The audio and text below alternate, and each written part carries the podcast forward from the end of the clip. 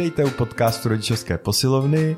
Dneska u Edice nad věcí, kde si budeme s Ivanou a Honzou povídat o fyzických trestech a jak jsme si teď řekli, tak o, i o fackování, pohlavkování, zatkování, což neexistuje. Zadkoplacákování. Zadkoplacákování, no, nosohltopleno, ne, o, o důsledcích různých trestů a o tom, co současné výzkumy a nějaké teorie říkají o tom používání fyzických trestů, ale možná se budeme muset dostat i k tomu jako trestání, jako obecně, proč třeba my jsme zastánci i toho, že je lepší volit třeba jiné způsoby. Je to tak a měli jsme tady bouřlivou debatu, jak tento podcast natočit, abyste neutekli od poslechu. A aby tady nezůstali jenom ti, kteří už s námi souhlasí. Ale právě by nám přišlo zajímavé oslovit i ty, kteří třeba pochybují, nesouhlasí nebo si dokonce myslí pravý opak, což v Čechách může být uh, třeba i 60% populace, která se v nějakých výzkumech ukazuje, že fyzické testy používá a dokonce říká, že to jinak nejde třeba, nebo mm-hmm, velká část. Tak. A, my jsme si říkali, že bude fajn začít u toho, že možná většina z nás si prožila v dětství nějakou formu, formu fyzického trestu, protože to bývalo velmi běžné. Mně si vlastně, jako to jsem si nenašel tohle číslo, že si říkala, že 90. letech to bylo ještě 90% lidí, kteří to zažili. Přesně tak, takže to je možná i téma, které si neseme my sami z dětství, možná je to proto, proč v krizových situacích to bývá něco, co nás napadá jako první, že takhle to dělali naši a fungovalo jim to. A může pro nás být těžké třeba i pozorovat to, že pro co jsme se rozhodli, my takhle funkční na první dobrou není. Ano a vlastně i proč, já si myslím, že proč to vyvolává určitou třasklavost v těch debatách, kdy se stávají velký zastánce a velký oponenti který si už pak moc nejsou schopní naslouchat, což se děje u takových hodně uh, vyhrocených témat, kde si člověk začne připadat, že když zastává nějaký názor, že zastává dobro, Aha. a myslí si to většinou obě strany, takže Přesně já bych řekl, že část lidí, kteří... Dobro budou... nebo tradici, takhle to bylo vždycky, proč to teďka spochybňoval, to fungovalo, to jsou nějaký nový eh, vynálezy, o tom nebudu poslouchat. A my si chceme spíš nějak objektivně popsat fakta, protože výzkumy Eh, které se shodují na tom, že tom dětem neprospívá ani nepomáhá tu soud, co jsme si trošku posteskli, že nám chybí výzkumy o tom, co zažívají rodiče, kteří třeba se uchýlí k fyzickému trestání, jestli je to něco, co jim přináší uspokojení, nebo naopak prohlubuje nějaké zahambení, že zase jsem to nezvládla, nezvládl, není mi v tom dobře. To mě právě přišlo zajímavé, že jak, jsme, jako, jako jsem o tom tématu hledal, tak hodně se zkoumají následky na jako vztah dětí k rodičům a na jejich mozek a na jejich chování. Většinou dřív to bylo chování, teď teprve přibývají nějaký výzkumy, co to taky může dělat s mozkem.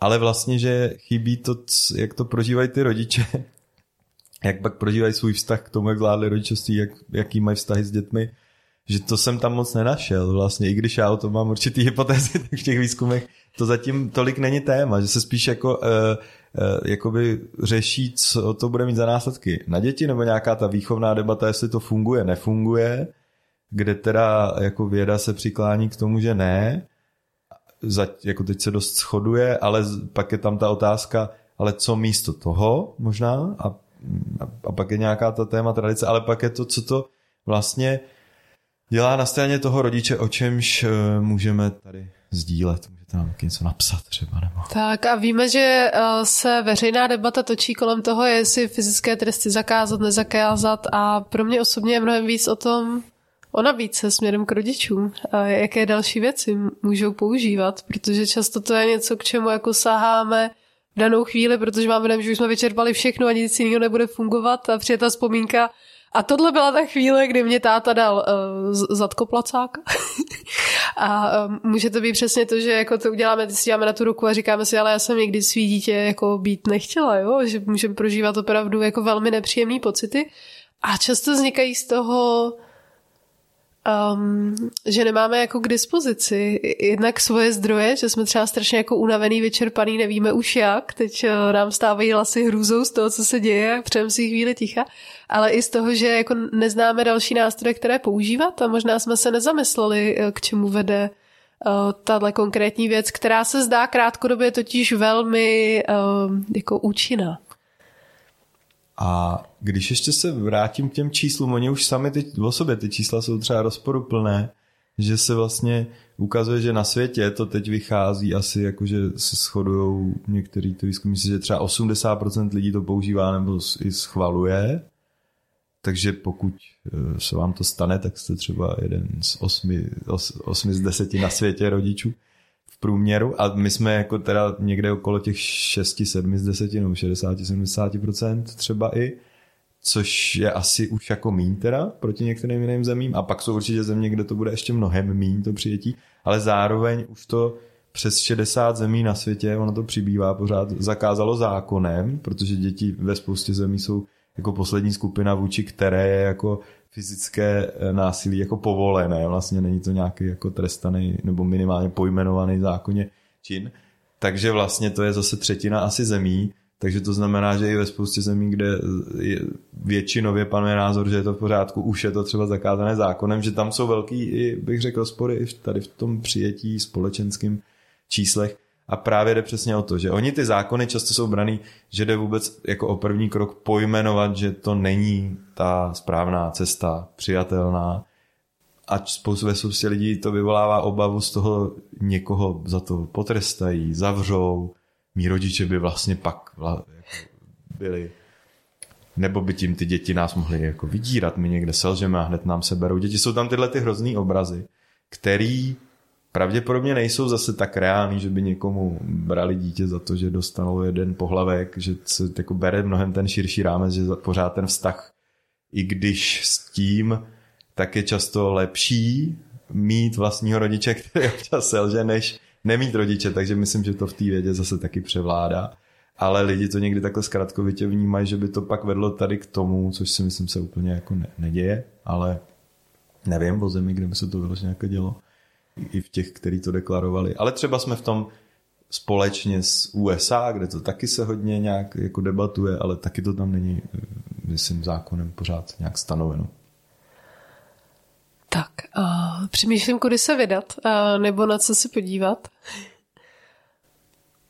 Tak je tam, jako můžeme začít třeba tím, uh, že zajímavý, že proč teda tam je ten rozpor, že to část lidí jako dělá a zároveň se říká, ono to nějak dlouhodobě a výchovně nefunguje, což je zajímavé, že i v těch českých výzkumech eh, bylo, že většina lidí si myslí, že to nevychovává, ale přesto, že v některých situacích není jiné řešení. Nebo něco což je zajímavé, že teda víme, že to vlastně nevychovává a přesto to někdy je potřeba. A tak vlastně možná by se dalo začít tím, proč to vlastně, že lidi nedělají to, co jim nic nedává většinou. Takže co to vlastně jako možná poskytne za nějaký ten, proč se to tolik drží. Tak jedno jsme říkali, že nějaká ta tradice, že to, co jsme zažili, tak jakoby používáme, i se to ukazuje jak na té společenské, tak na té neurobiologické úrovni, že to, co jsme zažívali třeba často v nějakým raném dětství, je svým způsobem nějak energeticky nejjednodušší opakovat, nebo prostě jako tak se učíme, takže nějak, nějak je těžký někdy přehodnotit tyhle věci co by tě napadalo dál třeba? Já myslím, že je tam ten okamžitý efekt. Jakože často máme dojem, že je to něco, co prostě ukázní, jako jasně dá tu mes, že to je něco, co se prostě uh, stane a tím ta situace skončí nebo jako doběhne. Tohle se často neřeší, že se hodně řeší, jak to bude působit na ty děti, ale ono vlastně tahle debata někdy nevede, protože opravdu je důležitý to, že to někdy pomáhá těm rodičům, ať už v úlevě z nějakého napětí, já se, roste v člověku veliký napětí a ukazuje se, že do něčeho praštit nebo někomu něco uděláte kolikrát jako lehčí, než se s tím napětím vypořádat jinak. Že to nějakou jako dočasnou nebo zajímavou jako tu úlevu čistě na té úrovni toho jako nejnižšího dolního mozku třeba přináší, nebo na, na úrovni svalů, nervové soustavy. Prostě je to nějaká akce. A zároveň to často zastaví to chování, protože to dítě jakoby zmrzne v tu chvíli, přestane dělat to a máme dojem, že to vlastně znamenalo jako úspěch. Přáli jsme někdo, si, aby to dítě přestalo dělat a už to nedělá. Někdo pobíhá, křičí, běhá do silnice, tak často to tu situaci, jako i když říkáme, i když něco děláme, tak se to pořád nemění, pořád to chování pokračuje a tady toto většinou jako přeruší. Aspoň na nějakou dobu. Tak a máme dojem, že tím je ta situace vyřešená, chování se zastavilo, jasně jsme ukázali hranici, ideálně se to nezopakuje potíže v tom, že to tu hranici tak pevně nedává, že se ukazuje, že jako netrvá tak dlouho, než dítě to chování jako zopakuje a bude testovat, jestli zase nebo nezase. A často to vede k tomu, že se dítě tak bude chovat ve chvíli, kdy tam nejsme, protože teď konečně může. Ano, takže jakoby to nepřijatelné chování to třeba zastaví, že se nebude dít před náma a může to víc podpoře lhaní, což je zajímavé, že to je zase nejčastější důvod, čeho se lidi bojí, a nebo co nejvíc trestají. Prej u teenagerů právě fyzicky se nejvíc trestá lhaní. Myslím, někde se vyčetl v těch dotaznících, co se dělali. Takže je zajímavý, že vlastně ten fyzický trest má tendenci lhaní způsobovat, protože když nemůžu něco dělat, protože bych za to dostal, je nejlepší, aby se na to nepřišlo, nebo vede to k nějakým utajování, často jako říkání jiné verze. Ale přitom je to nejčastější důvod, proč by to rodiče použili. Takže tam je zase nějaký jakoby určitý rozpor, který je nějak pochopitelný, že dále způsobuje nějaký třeba vztek, už nějakou tu, ale vlastně nejde úplně dobrým příkladem, což je taky ten jeden z těch často logicky uváděných uh, argumentů, že my vlastně když uh, často ten tré jako fyzic, že už se uchýlíme k nějaký formě, jakože plácnutí, trestání, tak spousta rodičů to vnímá, že už jim ujeli nervy, nebo že už se neudrželi, ale vlastně často je to z těch situací, kdy dítě nemůže udržet svoje nervy, nebo už mu ujíždějí nervy, už se neumí regulovat, je malé, a my mu vlastně chceme ukázat, že se to tak nemá dělat, ale uděláme to samé, že nám taky ujedou nervy, takže to není moc jako dobrý příklad, nebo není to ukázka té regulace, že i tím chováním mu neukazujeme, jak se to vlastně dělá. Asi nejvíc to je vidět na tom, že když plácne bratříčka malýho a my ho za to plácneme, tak sice mu říkáme tohle nedělej, ale ten silnější může, čímž mu dáváme rozporuplnou informaci, proč teda vlastně nemůže, když on je ten silnější. Tak a...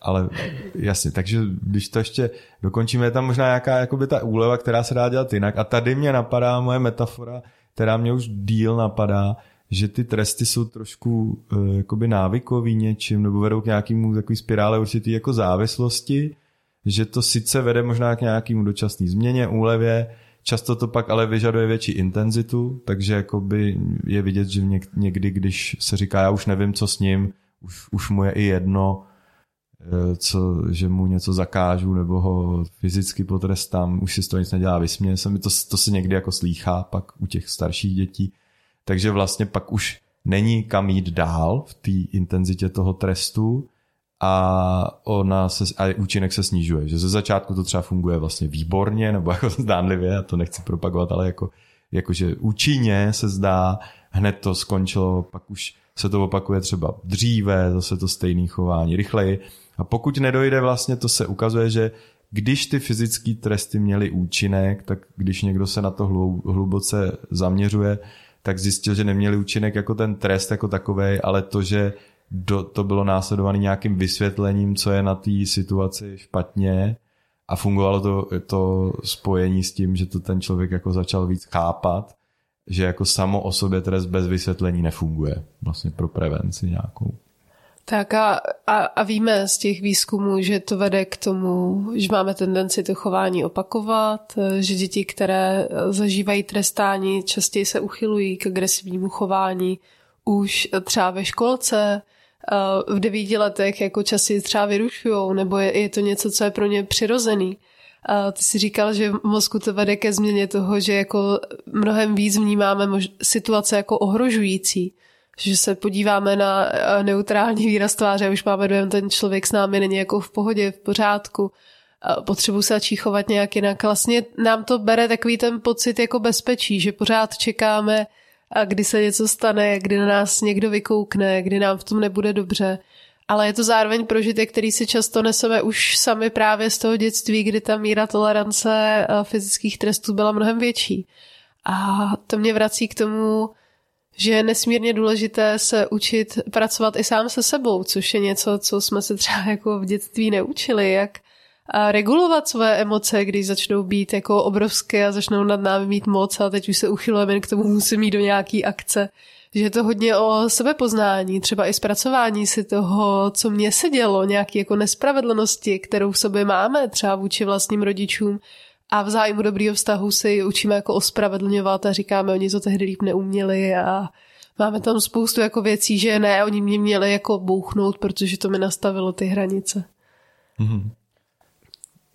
Eh, ty jsi právě zmínila část těch i následků, tak já jenom, abych to ještě podpořil tím, co jsme četli, tak třeba americká pediatrická asociace u těch dětí říká, že to právě, e, jako co už je nějak podložený podle, podle nich, tak je, že to vede e, k větší agresiv, víc, k více agresivnímu chování mezi jak rodičem, tak dítětem, tak potom s nějakou větší agresí v před, u předškolních a školních dětí vůči sobě navzájem. E, pak, že to je, to mě přišlo hodně zajímavý, že vlastně tam hrozí to, že když pak my budeme v těžší situaci jako rodina, takže se to zvrhne opravdu v nějaký už jako násilí nebo v nějaký jako větší ublížení, než by člověk za, jako zamýšlel. To znamená, že když ta regulace bude ještě těžší, pak v nějaký hodně náročné situaci, že je větší pravděpodobnost, že nějak selže a tomu dítěti třeba ublíží, nebo už to přeroste v nějaký týrání. Uh, což asi jako, pomá, jako mě podporuje v té teorii té mojí jakoby té závislosti, že vlastně to se taky může stát. Když si zvyknu jako ubírat se ke skleničce jako k nástroji, který mi ulevuje, tak pak v nějakých velkých krizích hrozí, že se stanu alkoholikem třeba, nebo že už mi to bude opravdu, nebo že udělám něco hrozného v opilosti třeba. Tak mně to jako přijde podobný. Můžete si tam dosadit jiný typy závislosti, kam můžou výst.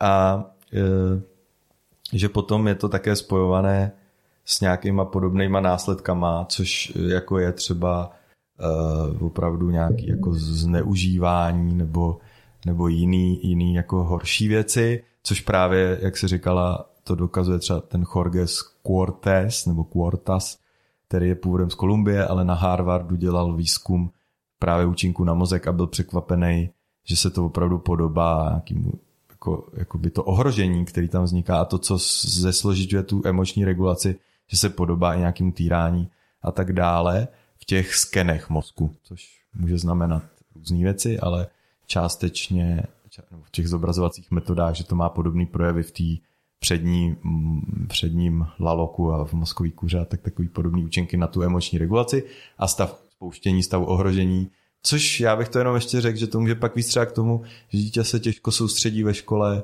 protože učitelka se na něj přísně zatváří a ono už se nemůže soustředit na to, co se učí, zatímco ten, kdo tady ta, ten stav ohrožení se mu nespouští, tak třeba mnohem lépe spolupracuje nebo naslouchá nebo vnímá, co se tam děje a nemusí z té situace nějak jakoby utíkat nějakým obraným mechanismem, aby jsme si představili, co to vlastně znamená. Protože to může někdy znít jinak, že co to jako dělá v tom mozku. Co vlastně ty argumenty pro to, proč to dětem nepomáhá? Je to pro ně nějaký způsob, který jim ukazuje, takhle se řeší situace? A tohle, tenhle člověk je silnější, má moc, takže to může víc k tomu, že někomu tu svoji moc odevzdáme, protože řekneme, to je silnější, já ho budu poslouchat na slovo, abych měl klid, nebo naopak nás to může víc k tomu, že my budeme chtít být tím silnějším a všem to budeme dokazovat, abychom my měli tu moc. Uh, samozřejmě to ohrožuje nějakým způsobem náš pocit bezpečí, takže může být jako ostražitější nebo čekat to nebezpečí na víc místech. A zajímavý uh, pro mě tam je, že já si myslím, že v tom není dobře ani rodičům.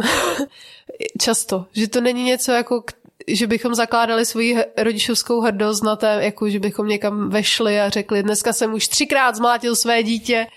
Uh, že vnímáme ten obrovský tlak, jako že to je něco, co ukazuje, že my selháváme a tím, jak se to třeba stane znovu, tak se opravdu můžeme chytit jako do takového kola, že si říkáme, už nikdy to neudělám, zase jsem to udělala, už nikdy to neudělám, zase jsem to udělala. A točíme se v kruhu toho, že nejsme dobří rodiče, můžeme začít jako spochybňovat Uh, zda jsme se, jako zda na to vůbec máme, protože pro mě výrok nevím, co s tím, je voláním o pomoc. A to je jeden z důvodů, proč točíme podcast, že chceme jako rodičům ukazovat způsoby, co lze dělat místo toho. Tak no. naznačíme něco? Já bych ještě právě doplnil to, že právě, co je tam to úskalí, když se pak o tom mluví, že za to teda spouští ty naše silné vlastní vnitřní reakce, což rozděluje ty tábory. A druhá věc je, že, uh, že jakoby je těžký Eh, že, že to ruší vlastně nějaký, nějakou tendenci k tomu navázání toho spojení v tom vztahu, takže pochopení zájemného. Což se děje i, i s tím dítětem, že mně se líbila teď myšlenka, kterou říkala Brené Brown, že vlastně spojení nebo connection, o kterým tady často mluvíme, nějaký to vztahový navázání toho vnímání těch eh, stran a postojů, eh, hodně narušuje nějaká touha tu situaci kontrolovat a toho druhýho kontrolovat, jako řídit nebo nějak ho jako ovládat, nějak ho, uh, nějak ho ovládnout, tak pak už nevnímáme tolik ten jeho postoj, chceme tu situaci mít pod kontrolou z naší strany. Což je často v rodičovsko-dětské situaci i relativně v pořádku, že to od nás vlastně děti i třeba chtějí. Chtějí a cítí se vnímaný tím, že pečujeme o jejich bezpečí. Jako teď to nemyslím, že chtějí být ovládaný, ale že vlastně, že to, že my máme nějak věci pod kontrolou, je často stav, který je uklidňuje. Horší to je, myslím, v dospělých stazích, kde chceme být partnersky, že tomu druhému nějak dáváme najevo, že on neví, co dělá. Což se může dít v tom, když se třeba o tom bude bavit pár spolu a jeden bude druhýmu říkat, zaujímat nějakou nadřazenou situaci, ty to děláš špatně, tak už vlastně ho chce mít v tom, jako získat nějakou nadřazenost v tom. A to může víc toho druhého, že se ještě víc uzavře, protože říká, jsem přece dospělý člověk, potřebuji se rozhodovat a ty mě tady jako rovnou chceš řídit, takže tam může to spojení zanikat. Teď jsem to možná zesložitil, že mluvím jako vztahu k tomu dítěti, tak třeba o vztahu mezi rodiči, ale myslím, že je to důležitý, že, že si to takhle jako, že, že ten nástroj, ten fyzický trest je opravdu jako snaha dostat situaci pod kontrolu, ovládat jí, získat velkou moc a jeho rizik, jako velký riziko je ztratím možnost pochopit potřeby, proč to ten jako proč to, co dítě dělá, co v tu chvíli potřebuje jak mu jako vlastně ukázat, jak se to dělá teda přijatelně pro nás, když budeme mluvit o, ne, o přijatelném chování, nepřijatelném chování, když třeba pobíhá a křičí a pro nás už je to nepřijatelný, tak to neznamená, že je to jako špatný nutně, protože ono třeba potřebuje nějak, snědlo hodně cukru a něco je, je hodně vy, má hodně energie, ne, nemělo moc pohybu. A my, když mu jenom jako trestáme za to, že to dělá, ale nenabídneme mu nějakou cestu, tak se pojď vyběhat do lesa, skákej si na trampolině, pojď se projít, pojď něco dělat s tou energií, ta, ale jenom mu zakážeme ty projevy, tak pravděpodobně to nebude úspěšné. Takže, ale těžký je to vnímat vůbec, že zatím jsou ty potřeby, když jenom trestáme to chování třeba. A ty jsme podle mě v tom, že často jako saháme k podobným způsobům jednání pod tlakem a že to v nás jako nakypí se, máme dojem, že tu situaci musíme vyřešit teď hned, což je často nějakým způsobem pravda. Třeba nám dítě chce běhnout jako do silnice, tak po něm čapnem. Ale ten klíč často bývá jako v těch každodenních interakcích mimo ty krizové situace, což je často něco, co opakujeme. A zároveň jeden z klíčů bývá v tom, že my sami eh, jsme v pohodě. Proto vlastně v době, kdy byla jako pandemie, kdy nás všichni zavřeli doma, se ukázalo, že ty jako možný problémy se najednou prohloubily, protože jsme byli sami jako v nepohodě, do toho po nás jako skákali děti a neměli jsme tu úlevu, že bychom mohli na chvíli jako někam vyjít a dodechnout se. A to je důležitý uh, zdůraznit i ten společenský rozměr, protože žijeme ve společnosti, která dlouho považovala dětský uh, tresty za něco běžného. Viděla jsem nějaké video z 80. let, kde všichni říkali, jo, já svý děti mlátím a Jediná paní říkala, ne, já svý děti nemlátím, protože je teprve půl roku, ale až budou starší, tak je taky budu mlátit. A můžete mít ty prožitky, že jedete v tramvaji, vaše dítě okopává eh, tu sedačku předtím, vy mu říkáte, ne, to nedělej, eh, držíme mu třeba uh, nožičku, teď dítě začne křičet, protože ho strašně bavilo, jako kopat do té sedačky a objeví se tři lidi, kteří vám řeknou, to kdyby dělalo moje dítě, tak už mu lísknu to si ho neumíte vychovat. Že tady máme um, takový jako velký tlak vůči dětem ve veřejném prostoru, že to je nějaký rušivý prvek, který máme právě kontrolovat, což v nás může prohlubovat ty pochyby o sobě, o úspěšnosti naší výchovy, jestli když dítě kope do té sedačky, jestli to teda znamená, že jsme hrozný rodič, protože máme dojem, že se na nás tak půlka lidí v tramvaji dívá. A, a jestli to někdy přejde, což většinou a nebo se to změní v něco ještě horšího. Jo, jo, prostě se z něj vyroste. bude ničit autobusové zastávky. Tak a myslím, že to v nás často prohlubuje právě tu jako nejistotu. A to vede k tomu, že můžeme mít chuť najednou ukázat, že to celý máme pod kontrolou, tak pak často třeba to dítě čapneme a vystoupíme z toho autobusu, abychom z té situace utekli, ale můžeme třeba jako klepnout po té noze.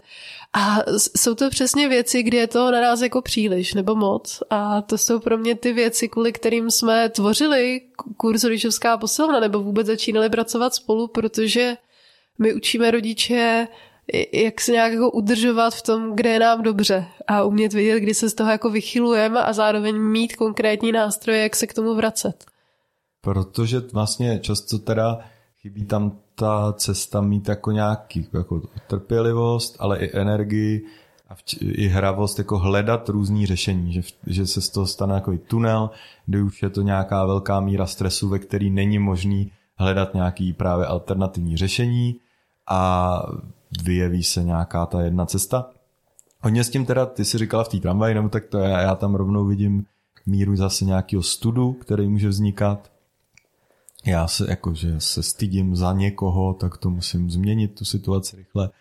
A zároveň ten stud se objevuje často i u lidí, se kterými se třeba setkám, který říkají, já ty děti už pak potrestám nebo na ně řvu a stydím se za to potom a řeknu si, už to nikdy neudělám ale pak se mi to stane zase znovu, pak už mám dojem, že s tím ani neumím nic dělat, že to zase někdy přijde. A, a to zahambení ještě se tam stává, což pak je někdy těžký říct si i o tu pomoc, vůbec jít se s někomu svěřit, protože někdy se nám teda stane, že s někomu svěříme a už to předostá přes hlavu, může to být partner nebo kamarádka a oni řeknou, Ježíš, tak to už je fakt hrozný, co se to s tebou děje, to teda bys, jako, že tam nepřijde to, aha, pomůžeme ti, ale přijde tam ještě naopak to odsouzení, jako já nechci být člověkem, který uh, bije svý děti najednou třeba. A, nebo tohle riziko je taky relativně velký.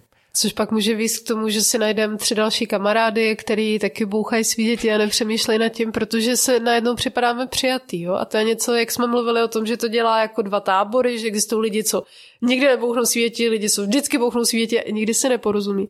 Ten svět většinou bývá mnohem jako um, v, jako v tom mezi, jo, mnohem víc jako v té šedi. Ale jako často opravdu máme tendenci se dívat, jako že nás někdo ohružuje, odsuzuje a ztrácíme pak tu společnou řeč.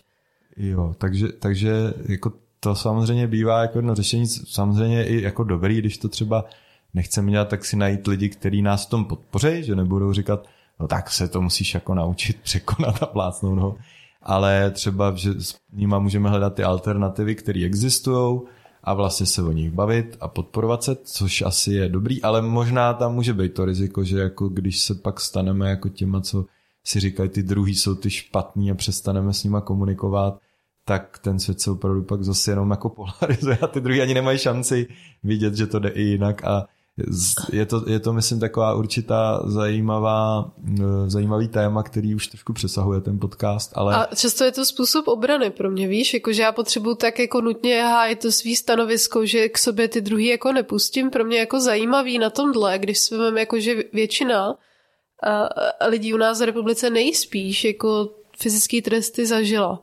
Tak mi přijde hrozně důležitý najít někoho, kdo mě jako podporuje v tom, že já se třeba přeju dělat jinak a to může být nějaký jako výchovný kurz, může to být cokoliv, ale mít jako tu bezpečnou skupinu, ve který můžu říct, hele, teď se mi to nepovedlo a oni řeknou, fajn, jako co potřebuješ.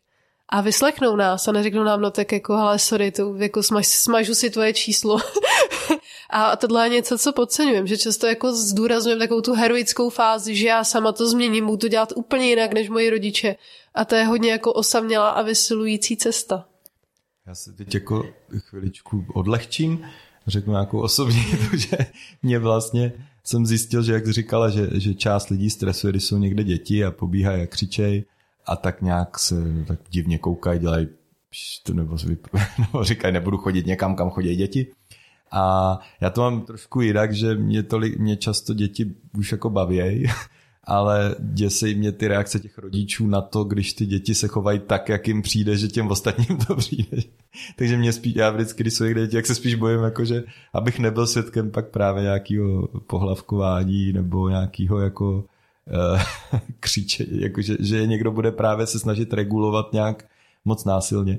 A zaujalo mě v létě, že jsem byl jako v Itálii v termálním bazénu a pozoroval jsem rodiče s hodně malýma dětma a člověk má představu, že v Itálii lítají ty emoce a tam byl jako hrozný klid. A, ty, a když to malý dítě třeba se začalo najednou jako bát, že nechce do, někam bez maminky, tak se na něj, tak oni jako vůbec nereagovali na ty, že začal třeba křičet na hlas v tom tichým. A, a ty rodiče vůbec jako na to nereagovali tím, jako že by začali taky křičet, nebo že by začali nějak být z toho, oni prostě přišli, a několik takových lidí jsem tam poslal. Mě to zaujalo, že mě to narušilo tu představu o té emotivní Itálii, že naopak možná právě že to tam bylo tak, že oni na ty emoce zvyklí, takže když dítě začalo nějak křičet, tak jim to vůbec nepřišlo nějak, že je něco zvláštního. My jsme tam tak nad tím se ženou spekulovali, že jsme si toho všimli oba, že to bylo až neobvyklý a že to narušovalo tu naši představu trochu. Takže mě to jako přijde zajímavý, že se to i jako kulturně ty reakce lišej a možná to byla jenom nějaká jako specifická skupina lidí, ale je to taková jako hodně zajímavý, jak my reagujeme na tu emoci, že často ten křik, pláč nás stresují a máme na ně nějakou reakci a chceme se ho zbavit. A to je možná to, i když já jsem se teda, se teda učím, že prostě ty věci se, jako se dějou, tak pozoruju tu svoji reakci, proč mě to vlastně tak, čeho se to dotýká, jestli je to nějaký moje vlastní zranění, představa o světě, takže taky se snažím pozorovat, co to se mnou teda dělá, když je mi to hodně nepříjemný, když to třeba pozoruju. A to samé vlastně, když to dítě třeba, já nevím, hodně pláče, tak to může vyvolávat už tu tendenci třeba k agresi nějaký, když hodně se projevuje právě třeba i radostně a my se moc neumíme už radovat, nebo jako extaticky, tak z toho dostaneme strach. Proto třeba pak potrestáme, že vlastně my jsme, teď točíme i podcast eh, nějaký o nějaký všímavosti, začíná, jakože už několik to, krát se to téma objevuje, tak i umět zůstat s tím, co to s náma vlastně dělá a zvyšovat tady tu kapacitu je jedna z těch prevencí, která nám pak pomůže víc navázat zase spojení s tou situací, než se jí jenom snažit vlastně potlačit, popřít, zamítnout, ukončit jakýmkoliv způsobem. To už je jedno teď. Tak a mm, Často tu tendenci trestat zbuzují ty situace, které jsou nějakým způsobem výrazný a mají tendenci k sobě poutat většinu naší pozornosti. Tak než se dostaneme jako k bonusovému dílu, kde těch typů dáme víc, tak já bych si přála dát tip na to hledat ty věci, kde jsou v pořádku, umět si je vychutnat a docenit. Nemít to jenom jako, že tomu dítěti dávám pozornost ve chvíli, kdy dělá něco, co se mi jako nelíbí, ale dívat se i na ty věci, které jsou v pořádku, fungují a umět je třeba i slovně ocenit. Jo, jo. Je to prostě hrozně těžký říct pak jako pár věcí, co teda jsou místo toho. Vím, že já si teď nespomenu, jak se jmenuje ten, eh, ten vědec, ale právě když jsem si potom hledal ty zdroje a poslouchal různý ještě podcasty v angličtině, tak v jednom říkali, že právě jeden z těch odborníků se zastává těch trestů právě ale právě přesně v tom, že neříká, že jsou ideální, ale říká, že neví, jaké lepší metody jsou.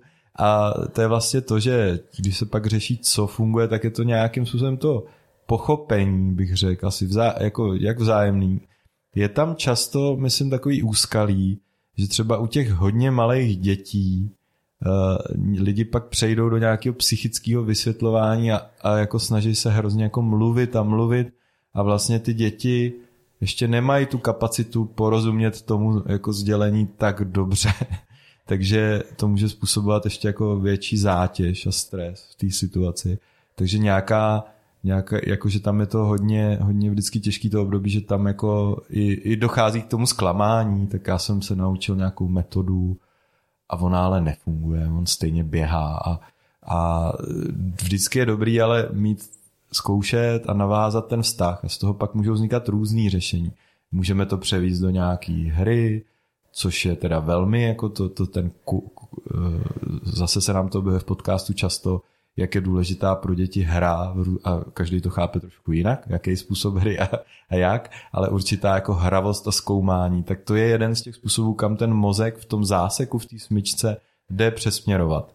Z nějaký intenzivní záseku na něčem, co vyvolává nepřijatelné chování, aktivovat nějaký způsob pátrání, zkoumání, zvědavosti. A když to dokáže ten dospělej, dokáže to i to dítě, jakoby vlastně i hledat tu potřebu třeba teda jinak, nebo naučit se jí jakoby nasytit jinak. Myslím to přesměrování, ne jakože odvedu pozornost, ale že když teda nemůžu prorazit zeď, tak začnu v ní hledat dveře. To je jako zkoumavý efekt. Můžu násilně do ní bušit, anebo můžu začít povodstoupit, rozhlídnout se, hledat cestu. A když to ty děti vlastně jim to ukazujeme, že to děláme my, tak se to od nás budou učit postupně. Je tam ta otázka. Budou se to učit stejně jako to trestání, že si dáme ten čas a budeme pátrat, protože děti jako většinu věcí od nás jako sledují, oni jako hodnotí to, co děláme a dívají se, jak to funguje, nefunguje. A pokud to budou mít spojený s tím zážitkem, že jim v tom bylo dobře a bezpečně, tak to může být něco, co je pro ně naopak zajímavé a co můžou taky opakovat v těch svých vztazích a ve školách a školkách.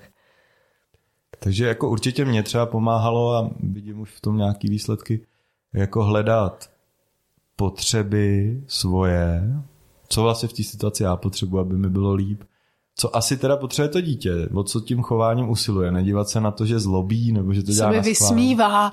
Nedělá to na schvál, prostě tím něco potřebuje, ať už teda, že má moc energie, že, že potřebuje něco udělat a má nějakou svoji vychozenou jak to chce udělat a je to pro ně hodně důležitý a, a mě vnímá jenom jako někoho, kdo říká nikdy to nebude.